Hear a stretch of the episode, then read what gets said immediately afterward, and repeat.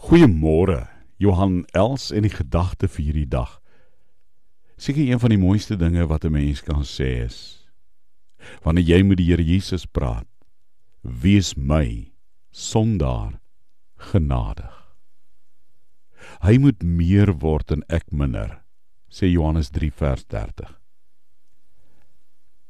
Hy moet meer word Ek het 'n storie gelees van 'n kerk wat die mees nederige persoon in die gemeente gesoek het en toe identifiseer hulle iemand. Hulle gee hom 'n balkie daarvoor en die volgende week draai die balkie kerk toe en toe word hy die hoogmoedigste mens in daai kerk. Ek het gaan kyk wat sê die Bybel oor hoogmoed. Hoogmoedige mens voel meerderwaardig teenoor ander mense. Jy kan mos nou nie God se gemeente bestuur met iemand wat meerderwaardig voel teenoor ander nie.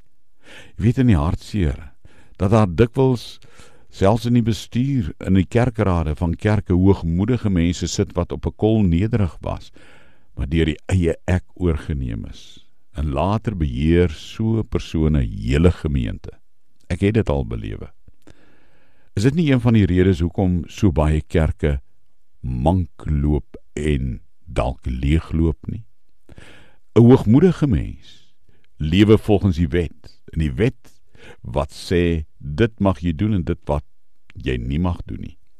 Vat maar die Fariseer in Lukas 18 vers 11 tot 12, beroem homself op die regverdige werke wat hy gedoen het, maar die tollenaar vertrou op die genade van God. Hy sê: "O God, wees my sondaar genadig."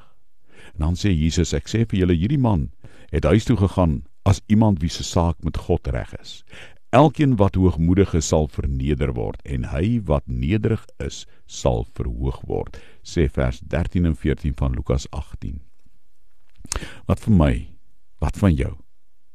Here wees my sondaar genadig.